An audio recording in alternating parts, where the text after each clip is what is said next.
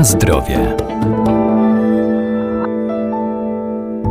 Co kryje w sobie żywność, którą kupujemy? Możemy to sprawdzić na etykietach, a warto je czytać. Tam muszą być zawarte wszelkie informacje, m.in. o alergenach i innych składnikach, jakie zostały użyte w procesie technologicznym. To ważne także w przypadku zakupu pieczywa.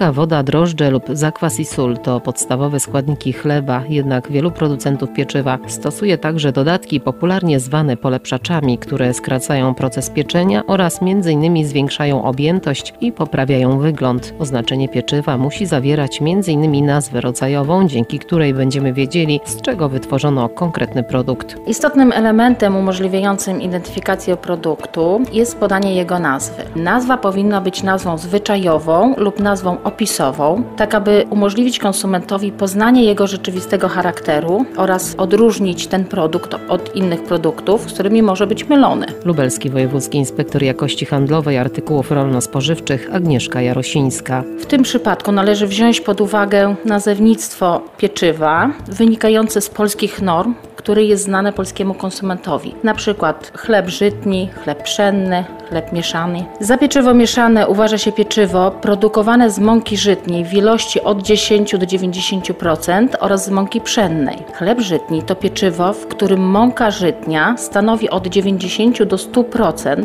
a mąka pszenna jest dodawana w ilości mniejszej niż 10%. Natomiast pieczywo pszenne odnosi się do pieczywa, które jest wytwarzane z mąki pszennej, drożdży oraz innych składników, które wynikają z danej receptury. W przypadku, gdy producent stosuje nazwę opisową, przykład chleb pszenny orkiszowy, użyta do wypieku tego rodzaju chleba mąka orkiszowa powinna występować w przewadze w stosunku do pozostałych mąk. Jeżeli dodatek mąki orkiszowej jest mniejszy ilościowo od pozostałych użytych mąk, to taki chleb powinien się nazywać chleb pszenny z mąką orkiszową albo chleb pszenny z dodatkiem mąki orkiszowej. To ma zastosowanie również dla chleba razowego żytniego, dla chleba pszennego y, graham, chleba mieszanego razowego. Producent musi podać wszystkie składniki, jakie zostały użyte do produkcji pieczywa. Składniki te podaje się w formie wykazu składników z wyszczególnieniem ich nazwy według ich masy ustalonej w momencie ich użycia w porządku malejącym. Natomiast nazwa surowców powodujących alergię powinna być podkreślona za pomocą pisma wyraźnie odróżniającego ją od reszty wykazu, np. za pomocą czcionki czy ewentualnie tła.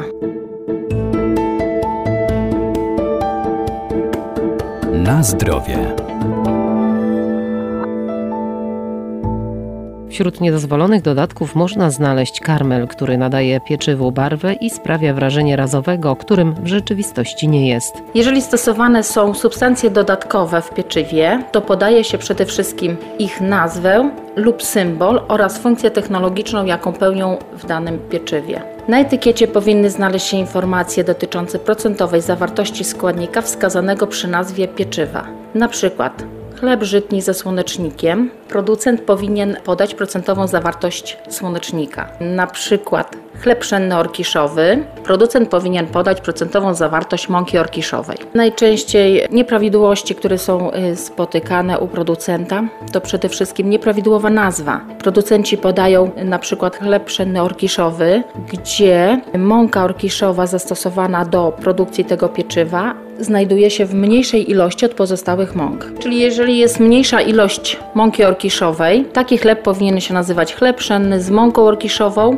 ewentualnie chleb pszenny z dodatkiem mąki orkiszowej. Producenci również nie podają procentowej zawartości składnika, który występuje przy nazwie pieczywa na przykład chleb żytni słonecznikowy, producent powinien podać procentową zawartość słonecznika. Chleb żytni razowy, producent powinien podać procentową zawartość mąki razowej. Produktem zafałszowanym również jest produkt, przykładowo chleb razowy, do którego dodawany jest karmel, a nie może być dodawany. Karmel dodawany jest do pieczywa razowego w celu poprawienia jego barwy.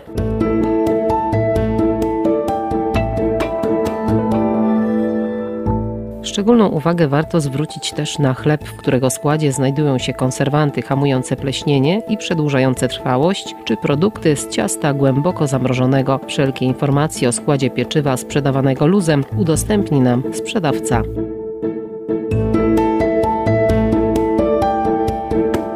Na zdrowie.